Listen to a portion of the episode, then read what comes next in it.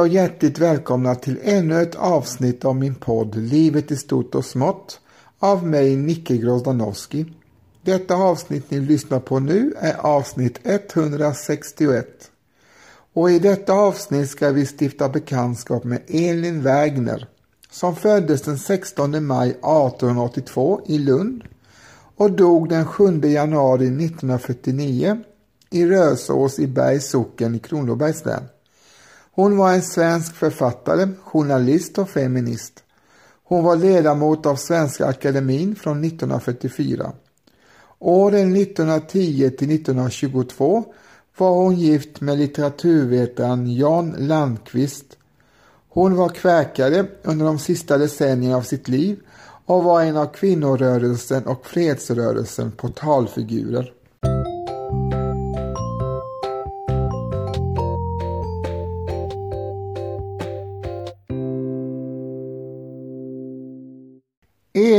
Elin Wägner föddes alltså i Lund på övervåningen av Lunds privata elementarskola, nuvarande Spiken, som då låg vid Vårfrugatan intill stadshäktet. Hon var dotter till rektorn Sven Wägner och Anna som föddes Ekedal, som var prästdotter från Tolg i Småland och systerdotter till domprosten Esaias Ekedal.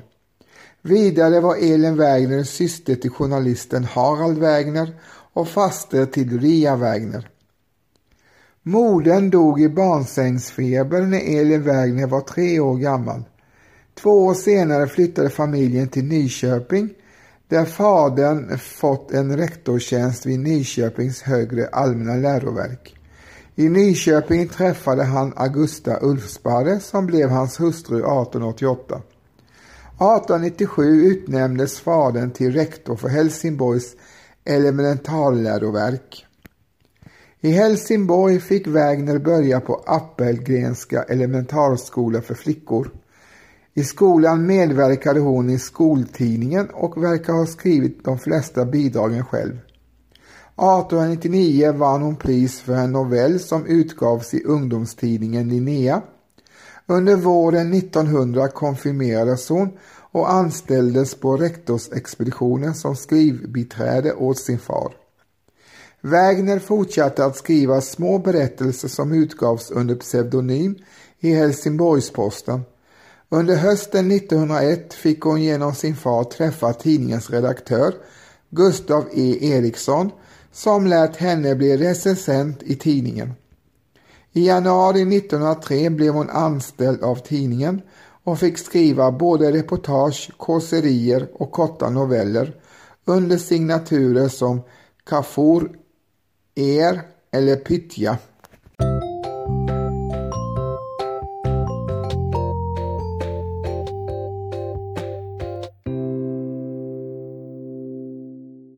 Den 21-åriga Wägner uppvaktades snart av en arbetskamrat på tidningen, den fem år äldre Hjalmar Jönsson. Det blev en kort men himlastormande affär mellan de två. Wägner stannade i London under våren och sommaren 1904 för att göra frilansarbeten men uppdragen blev få. I december 1904 fick hon genom Gustav Eriksson arbete på tidningen Vårt Land i Stockholm. Men där stannade hon inte länge. Wägner hamnade i en depression, av allt att döma orsakad av kärleksaffärer med Jönsson och en olycka där hennes halvsyster Rut drunknade. Hon stannade hos sina släktingar i Småland. I dagboken ältade hon sina upplevelser med den otrogne Jönsson men lyckades också skriva några korta berättelser som utgavs i veckotidningen Idun under signaturen The Laughing Water.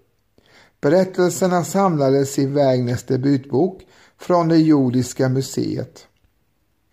I början av 1907 började Wägner på Iduns redaktion i Stockholm som redaktionsassistent för 150 kronor i månaden.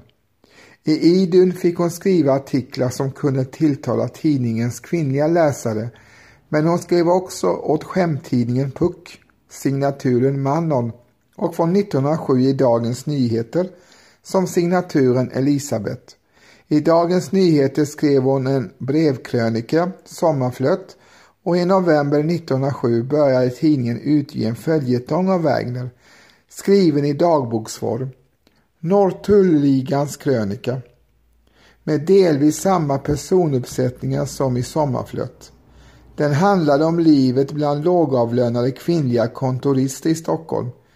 Enligt Wägner själv skrev hon varje avsnitt på fredags eftermiddagen så att avsnitten kunde utges i söndagstidningen.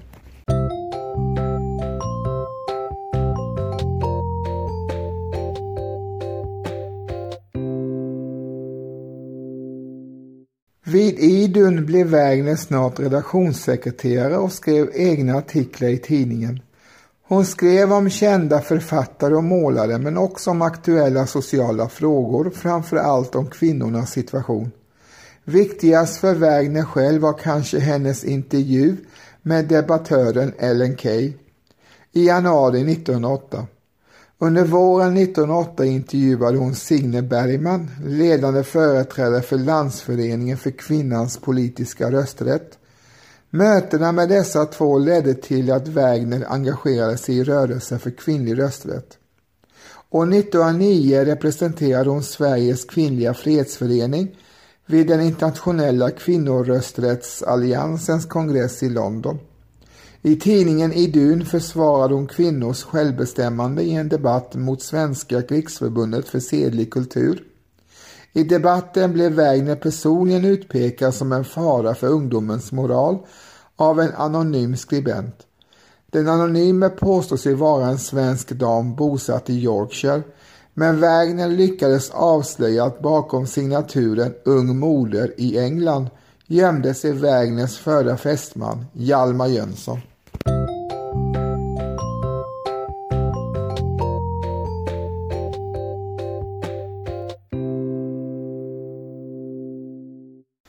Under 1908 hade Wägner också börjat skriva i Dagens Nyheter under signaturen De Vines, särskilt artiklar och texter som berörde kvinnornas situation. Sina erfarenheter från tidningsbranschen utnyttjade hon i romanen Pennskaftet som utgavs i september 1910. Romanen handlar om en ung kvinnlig journalist som dras in i rörelsen för kvinnlig rösträtt. I romanens form kunde Weiner också framföra sin uppfattning om sexualmoralen, tydligt påverkad av Ellen Key, till exempel att även kvinnor kan ha sexuella förhållanden utan att vara gifta. Efter att ha gift sig med journalisten Jan Landqvist kastade sig Wägner in i arbetet med att förbereda Internationella kvinnorösträttsalliansens kongress i Stockholm i juni 1911. I samband med mötet skrev hon massor av artiklar både för Idun och Dagens Nyheter om mötet. Hon porträtterade rösträttsrörelsens ledande kvinnor som amerikanskan Anna Howell Shaw och ungerskan Rosika Schimmer.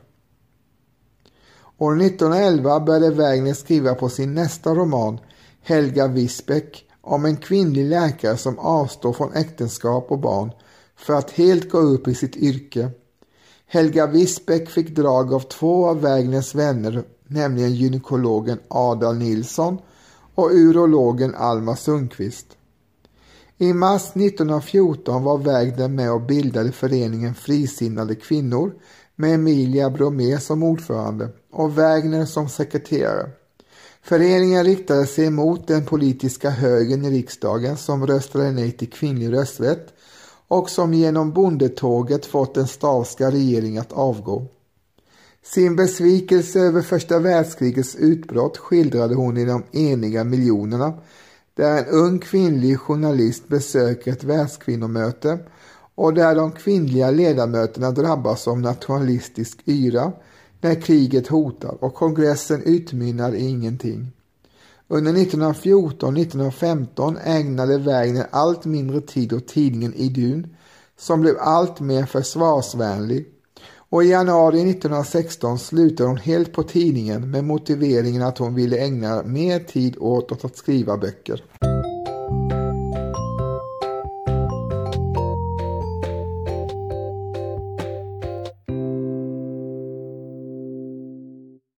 År 1910 fyllde Gustaf Fröding 50 år och Wägner, nu relationssekreterare på Idun, ville ha en artikel om honom. Hon hade tidigare träffat filosofiedoktorn Jan Landqvist som skrivit en monografi om Fröding och bad honom skriva en artikel. I augusti 1910 befann sig båda i konstnärskolonin Arlid i närheten av Helsingborg och där verkar de båda ha drabbats av en blixtförälskelse. I oktober förlovade de sig, gifte sig i november och flyttade ihop på Grev Turegatan i Stockholm. Wägners närmaste släktingar närvarade inte. Av allt att döma gladdes de inte åt hennes framgångar som radikal författare. Den äktenskapliga lyckan verkar inte ha varit eh, länge och eh, var ju på upphällningen redan 1913. Som författare fick Wägner ofta ingivelse av händelser i sitt eget liv och i romanen Helga Visbeck från 1913 finns stark kritik av män och mot äktenskapet. I ett brev senare har Wägner berättat att maken första gången tog upp frågan om skilsmässan 1913 och 1916 firade de semester på varsitt håll. Förmodligen har frågan om svensk bistånd under det finska inbördeskriget varit ett skäl till oenighet. I december 1917 fick Landqvist sparken från Dagens Nyheter för sitt ställningstagande för Finland och han undertecknade upprop för vapenhjälp. Wägner var av allt att döma pacifist vid denna tid. Under sin studietid i Uppsala hade Landqvist lärt känna konstvetaren Harald Brising och både Wägner och Landqvist hjälpte hans fru Louise Brising efter Harald Brisings bortgång 1918. Mellan honom och Louise Brising uppkom varmare känslor under 1919 eller 1920. Wägners bevarades dagbok från 1919 visar på återkommande gräl mellan makarna. Skilsmässan dröjde dock. I januari 1922 flyttade Wägner från det gemensamma hemmet på Nytorgsgatan i Stockholm. Efteråt hävdade de båda att barnlösheten var en av grundorsakerna till att förhållandet tog slut. Landqvist gifte sig med Louise Brising 1925.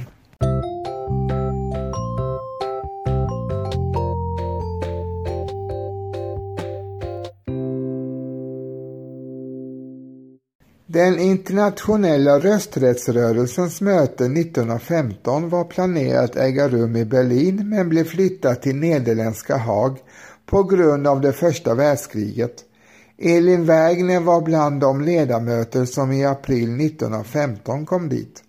Kongressen beslutade att utse delegationer att söka upp de deltagande ländernas regeringschefer för att framföra kongressens krav på krigets omedelbara upphörande. De olika delegationerna togs artigt emot i sina hemländer men det ledde inte till några resultat. Den internationella rörelsen drabbades av interna bråk och Wägner verkar ha tappat tron på att kvinnorna kunde hålla ihop för att uppnå resultat varken när det gäller freden eller rösträtten.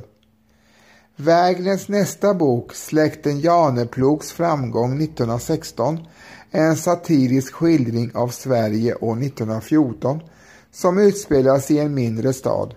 Medelklasskvinnan Inger startar en nödhjälpskommitté och en kooperativ affär för att hjälpa stadens arbetare men motarbetas på alla sätt av de styrande i staden. Romanen Åsa-Hanna utspelas i Småland och handla om Hanna som hamnar i ett moraliskt dilemma mellan att avslöja vad hon vet om sin makes släkts brottsliga förflutna eller att hålla tyst. I december 1919 var Elin Wägner en av fem personer som grundade Rädda Barnen.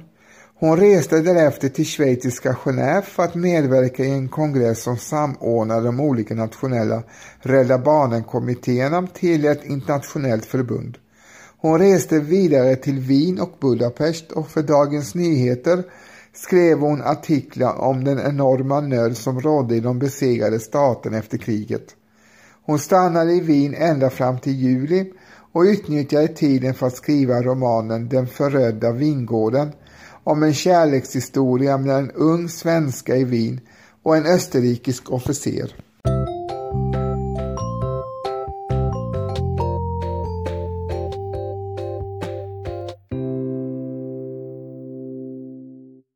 Efter det första världskriget hade franska trupper besatt renlandet och i enlighet med Versaillesfreden skulle dröja till 1935 innan alla utländska trupper lämnat ockupationsområdet. I den svenska pressen spreds uppgifter om att befolkningen blev illa behandlad av de franska trupperna i Saarland, inte minst av franska mörkhyade kolonialtrupper som sades begå sexuella övergrepp på tyska kvinnor. Godsägaren Elisabeth Tam på Fogelstad ville bekosta en utredning som kunde undersöka dessa rykten och genom sin vän Honornie Hermelin fick hon kontakt med Wägner. I februari 1921 reste Wägner till Renlandet tillsammans med Gunnar Wall, kyrkoherde i Vingåker. De reste runt längs Ren för att träffa människor och för att bedöma hur hög sanningsgrad som låg i det som har kommit att kallas svarta skammen i renlandet. Den svarta skammen fick stor uppmärksamhet i hela Europa och de rasistiska tankefigurerna fick fäste i vänsterpolitiska, feministiska och progressiva sammanhang, inte minst genom den engelske radikalliberalen Edmund Morell. Elin Wägners och Gunnar Walls slutsats är dock att den internationella uppståndelsen kring den svarta skammen inte riktigt motsvarar verkligheten. I den slutrapport Wägner och Wall formulerar när de återvänt till Sverige heter Rapport över en resa inom de av entitenten besatta områdena vid Ren 20 februari till 8 mars 1921. Där konstaterar de citat den så kallade svarta frågan kan icke ses isolerad utan måste tas i samband med förhållanden överhuvudtaget. Det är vårt intryck att den trots allt icke är den fråga som ligger överst i folkets sinne. Slutcitat. Rapporten innehåller förvisso också vissa rasistiska stereotyper men Wägner och Wall konstaterar att de svarta soldaterna inte gjort sig skyldiga till fler övergrepp än de vita soldater. Till och med att de nesliga brotten begås mer av vita. Wägner och Wall skildrar också hur de har sett flera förälskade par av olika hudfärg och hur de har träffat flera som har ingått äktenskap.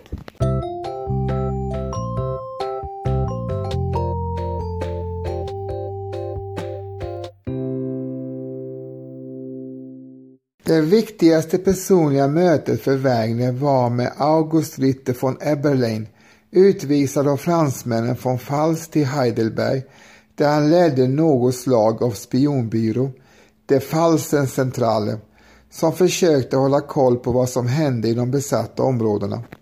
Ritter von Eberlein som hade doktorerat i historia var en tysk patriot som ogillade Versaillesfreden, demokratin och den svaga tyska regeringen. 1938 blev han en del av Sturmabteilung och han tjänade trots sin höga ålder under andra världskriget. Han och Wagner verkar dock ha funnit varandra och Elin Wagner har, har i brev skildrat hans intresse för pedagogik, psykologi och kvinnofrågor. Från Eberlein fick Wagner mängder av rapporter om de franska truppernas framfart och hon blev under en tid en sorts språkrör för Ritter von Eberlein. Att döma av hennes dagböcker blev hon snart också uppvaktad av honom och han bedyrade henne sin kärlek.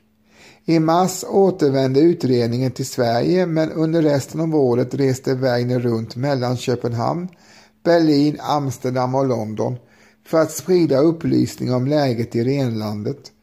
Någon påvisbar verkan i renlandet verkar hennes ansträngningar inte ha haft. Wägner och von Eberlein inledde dock en flera år lång relation. Det finns många brev från Ritter von Eberlein bevarade i Wägners brevsamling och de träffades med jämna mellanrum under stora delar av 1920-talet. Relationen verkar dock ha ebbat ut och inga brev från von Eberlein finns bevarade efter 1929. Efter andra världskriget kontaktas Wägner av Ritter von Eberleins son Ludwig som var journalist på det Tagesspiegel. Han berättade att fadern satt i fångläger i Jugoslavien och bad om att Wägner skulle skicka förnödenheter till honom, vilket Wägner verkar ha gjort. Elin Wägners bror Haralds äktenskap med Ellen Rydelius var vid det här laget slut och Harald hade inlett en förbindelse med en svenska i Italien. Kvinnan hade fött en pojke, Giovanni, men det var inte möjligt för henne att ta hand om pojken som nu var drygt ett år gammal. Under våren 1921 tog därför Wägner över ansvaret och pojken fick flytta hem till henne i Stockholm.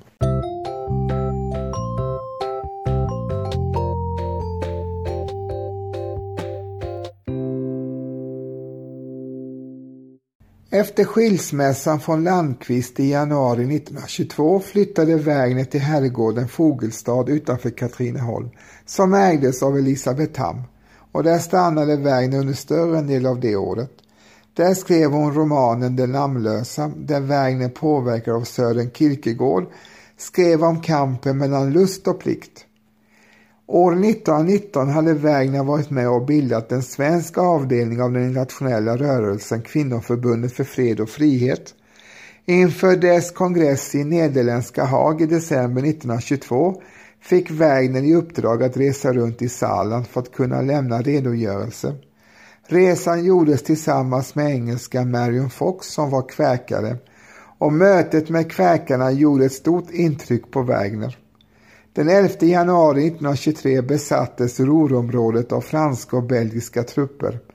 Wägner reste runt i det besatta området och skrev snabbt en bok om ämnet. Från Cern, Ren och Ruhr. Sin falsiske kontaktman från Eberlein träffade hon båda åren 1923 och 1924 och händelserna hon fick höra om skrev hon så småningom en roman om, De fem pärlorna, där en kvinnlig kväkare blir älskarinna åt en landsflyktig motståndskämpe. Boken blev inte någon försäljningsframgång trots att Wägner gjorde en föreläsningsturné där hon berättade om det rådande läget i Tyskland.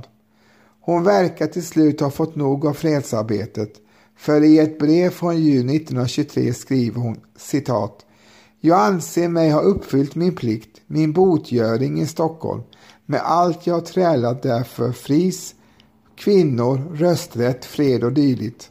Nu får andra skriva upprop och springa på telegrambyrån om nätterna och göra protokoll." Slutcitat. På Fogelstad hade riksdagsledamoten Tam samlat en grupp kvinnor omkring sig som ville bedriva folkbildning. Nu när kvinnorna fått rösträtt i andra kammaren måste de veta vad de ska använda rösträtten till. På Fogelstad samlade hon kvinnor som Honornia Hermelin, Ada Nilsson, Kerstin Hesselgren och de bildade Kvinnliga Medborgarskolan vid Fogelstad, vars första kurs hölls redan 1922. Från och med år 1925 blev verksamheten regelbunden. På våren 1923 ville Tam starta en tidning för kvinnor kallad för Tidevarvet och pressade Wägner att ta på sig rollen som chefredaktör. Hon var den enda i kretsen av kvinnorna som hade yrkeserfarenhet från en tidning. Wägner ville dock inte just nu eftersom hon var upptagen med romanen Silverforsen. Men i juli 1924 blev Wägner ändå chefredaktör för Tidevarvet som ville vara en politisk kulturell veckotidning.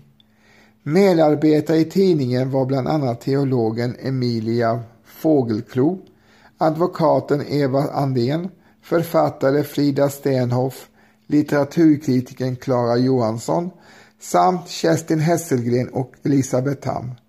Wägner skrev kulturartiklar, artiklar om pacifism och hennes egna noveller gick som följetonger. Under hennes tid som chefredaktör debuterade Moa Martinsson i tidningen. Mellan Wägner och den ansvariga utgivaren Adam Nilsson uppkom så småningom en tvist eftersom Wägner även ville fortsätta skriva romaner från sitt hus i Lilla Björka. Tvisten med Nilsson och förhållandet med Sigfrid Siverts gjorde att hon blev deprimerad. Wägner stannade som chefredaktör fram till utgången av 1927.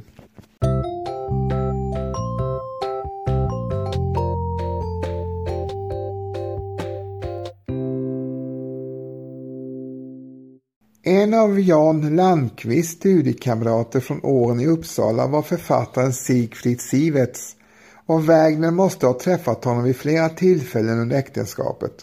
I januari 1925 hade Wägner besökt Siljansborg utanför Rättvik med sin kusin Lisa Ekedal, förläggaren Tor Bonnier samt dennes hustru Greta. Där träffade hon Sivets och även denna gång verkar ha rört sig om en blixtförälskelse. Sivets var förvisso gift men hans äktenskap var på upphällningen.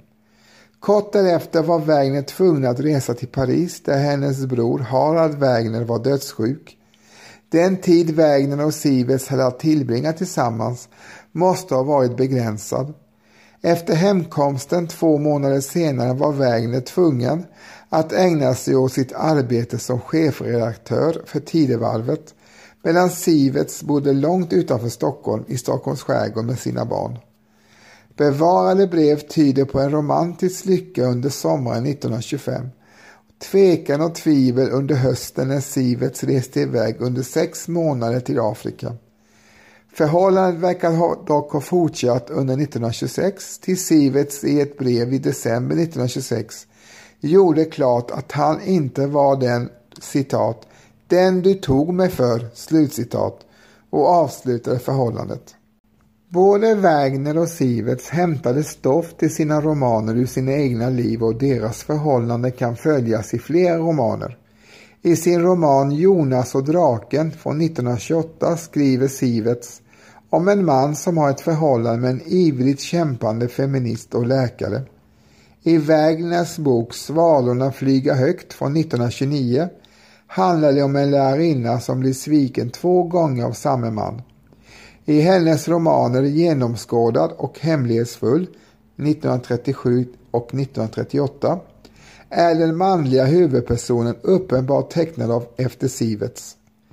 Sivets återvänder slutligen till deras förhållande lätt maskerat i romanen Glasberget från 1952 om en glaskonstnär som tänker tillbaka på sitt liv och sitt livs stora kärlek, en socialt engagerad kvinnosakskvinna.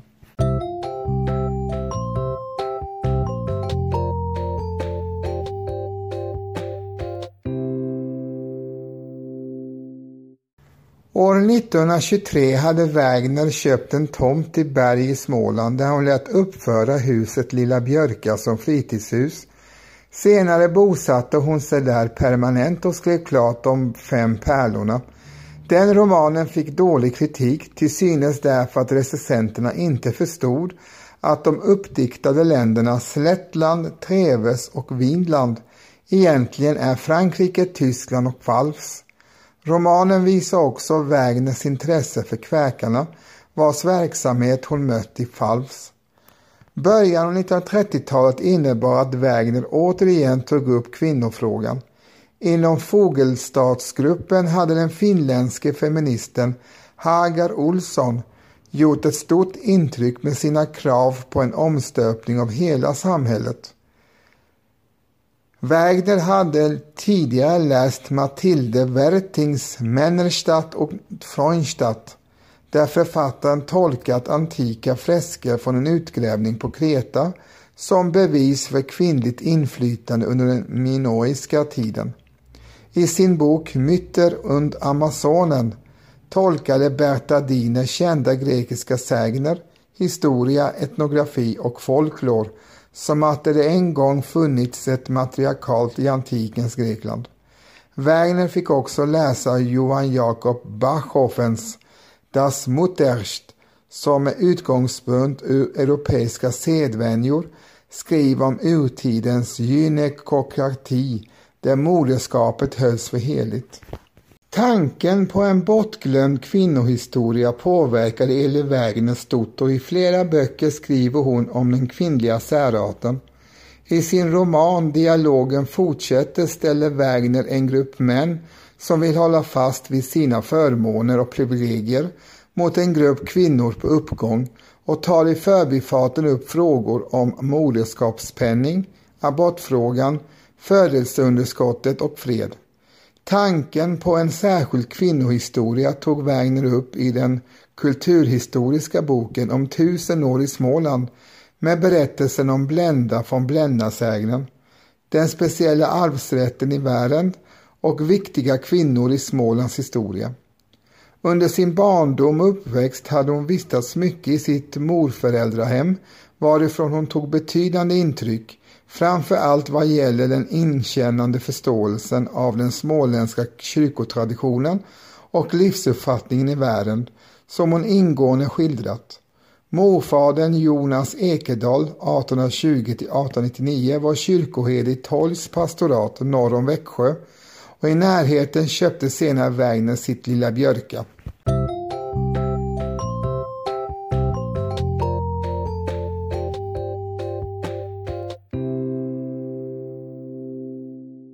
Frågan om kvinnans särart tog Wägner också upp i debattboken Väckarklocka från 1941.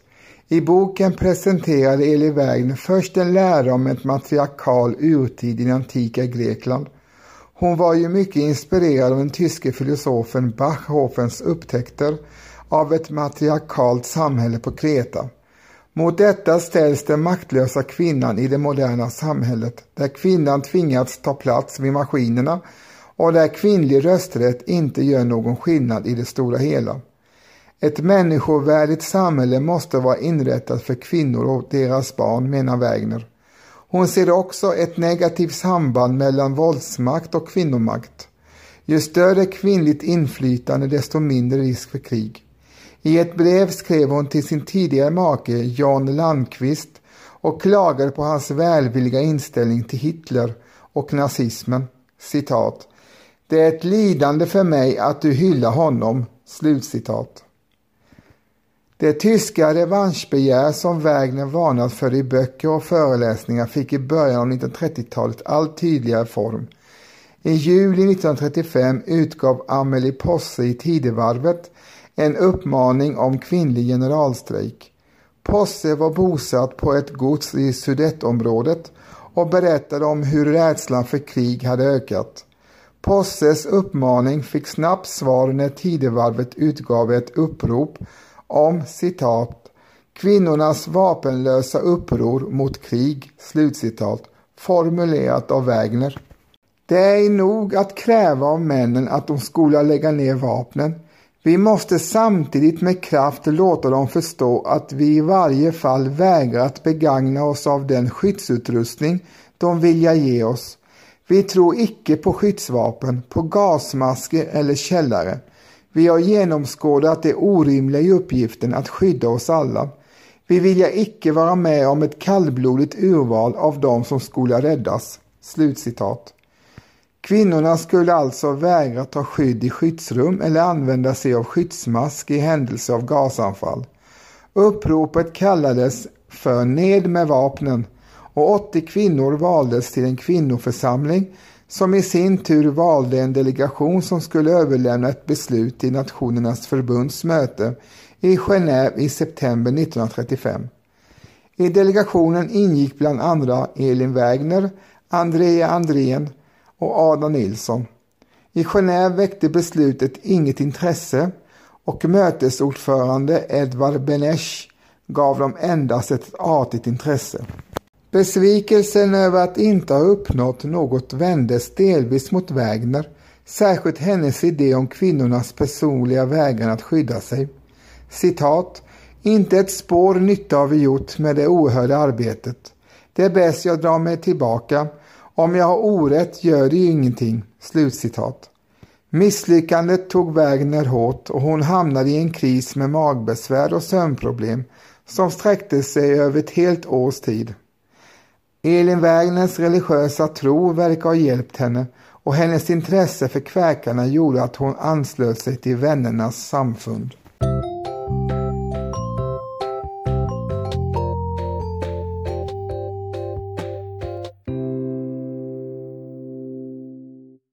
Tre vänner kom att betyda mycket för Elin Wägner under årtiondet.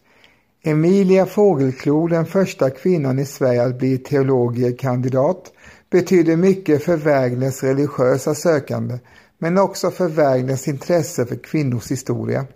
En annan nära vän var journalisten Barbro Alving, redaktionssekreterare på Idun och därefter journalist på Dagens Nyheter. En tredje väninna var Florry Gate som blev som en dotter för Wägner efter att hon har flyttat med sina barn till Berg och köpt ett jordbruk. Ytterligare ett tema finns i Wägners författande från 1930-talet, en slags jordromantik, säkert påverkad av flytten till Lilla Björka. Naturskildringarna blir fler. I romanen Svalorna flyga högt skildras ett hårt arbetande torparpar och i dialogen fortsätter är huvudpersonen en trädgårdsmästare som hamnar i riksdagen. 1935 hade Wagner varit med och grundat organisationen Women's Organization for World Order och vid dess konferens år 1937 i Bratislava fick hon träffa den schweiziska bondkvinnan Minna Hofstetter som drev ett jordbruk utan boskap och ett särskilt kompostprogram. Detta fick återverkningar på hemmaplan eftersom Florigates jordbruk åtminstone delvis drevs efter Hofstetters tankar och gav Wägner ingivelse till boken Fred med jorden där hon tar upp skogsskövling, konstgödning, mekanisering av jordbruket med mera.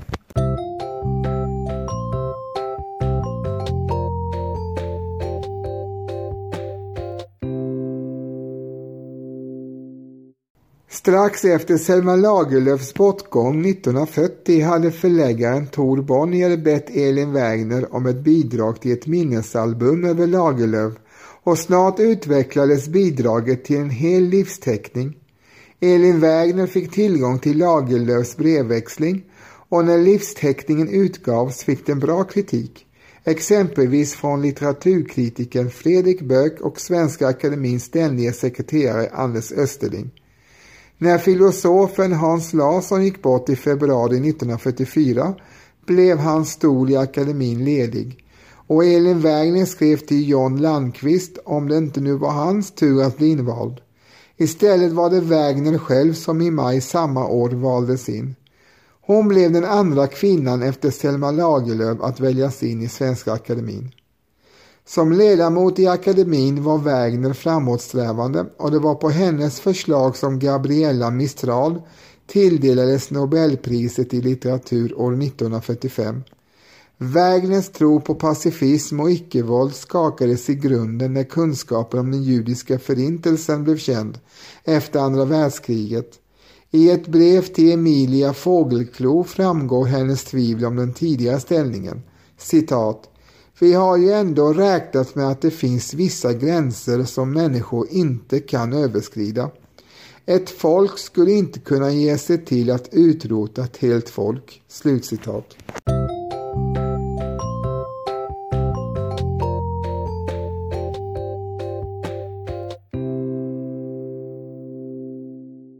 Eli Wägners sista roman blev Vinden vände bladen, en historisk roman eller en småländsk bygdekrönika som börjar på 1700-talet och slutar på 1930-talet. För Wägner blev romanen en framgång både hos recensenterna och hos bokhandlarna. Anders Österling hade bett Wägner att skriva en monografi om Fredrika Bremer. Wägner satte igång med arbetet i början av 1948 men hon hade besvär med magen vilket fördröjde arbetet. I oktober lade hon in på lasarettet i Växjö och där upptäckte läkarna en cancersvulst i magen. Vid operation upptäcktes att svulsten hade spridit sig och att operationen hade kommit för sent. Sin sista tid bodde Wägner hos väninnan Florigate och trots sin svaghet skrev hon in den sista om Fredrika Bremer.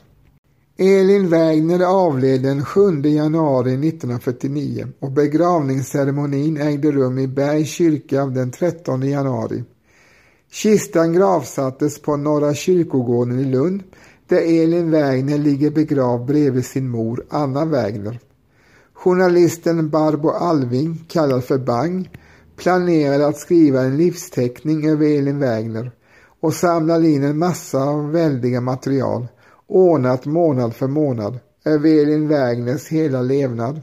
Uppgiften blev dock för stor för Bang och hon överlät materialet till författarna Ulla Isaksson och Erik Hjalmar Linder som skrev en livsteckning i två delar. Elin Wägner, Amazon med två bröst, 1882 till 1922 och Elin Wägner, dotter av Moder Jord, 1922 till 1949.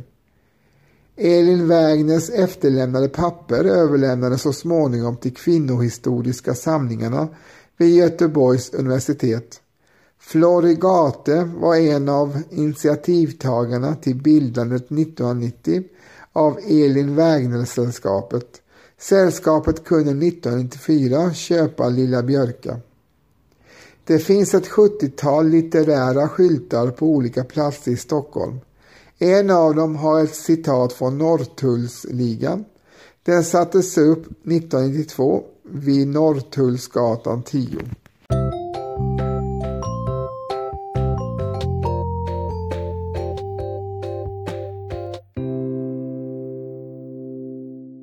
Elin Wägners skönlitterära böcker behandlar kvinnors rättigheter, kvinnlig rösträtt, fredsfrågor, sociala frågor och miljöfrågor. Den feminism hon företräder har felaktigt benämnts som särartsfeminism. Elin Wägner framstår generellt mer som en likhetsfeminist istället, det vill säga en person som fokuserar på mäns och kvinnors likheter och lika rättigheter än kollegan Ellen Key. Elin Wägner inspirerades till en början av den samtida feministen Ellen Key men delade inte Keys essentialistiska hållning. Utvecklingen syns bland annat i romanerna Genomskådad från 1937 och Hemlighetsfull från 1938. Wägners feminism kommer att ifrågasätta samhället i grunden med dess maskulint dirigerande krig liksom utnyttjande av miljö och människor. Boken Väckarklocka från 1941 visar denna omvälvande ställning. Missuppfattningen av Wägner har påpekats i artiklar av Lisa Gålemark bland annat.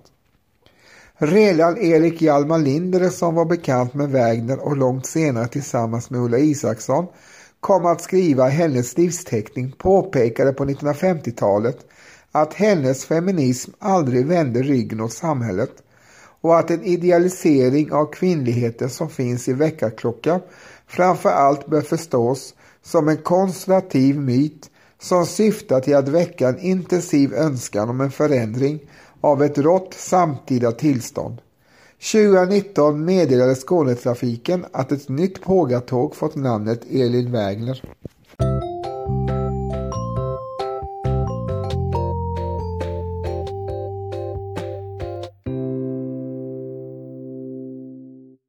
Då har ni fått eh, veta mera och fått lära känna Elin Wägner, författaren som med pennan som vapen var med och formade Sveriges demokrati och kvinnans ställning i vårt land.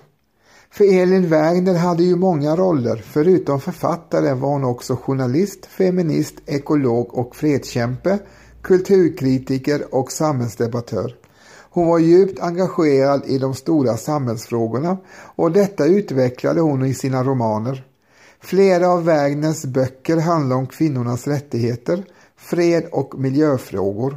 Hon var alltså före sin tid i många avseenden. Förutom hennes författarskap och samhällsengagemang får ni också i detta avsnitt veta mer om Elin Wägner som person och jag tycker det är lika viktigt att veta det för att förstå hennes samhällsgärning.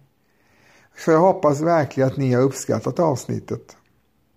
I avsnittets början fick ni höra Carl Michael Bellman och hans Fjärilvingar syns på Haga, även kallad för Fredmans sång nummer 64. Och som avslutning får ni höra gruppen Gotthard med Par Deus. Min podd utkommer två gånger i veckan, nämligen onsdagar och lördagar med bonusavsnitt lite då och då, så håll utkik. Och med detta så vill jag tacka dig som har lyssnat på avsnittet och hälsa dig hjärtligt välkommen till kommande släppta avsnitt. Och eh, fram till dess får du gärna botanisera i mina tidigare släppta avsnitt. Tack för att du lyssnade. På återhörande och var rädda om er. Hej då!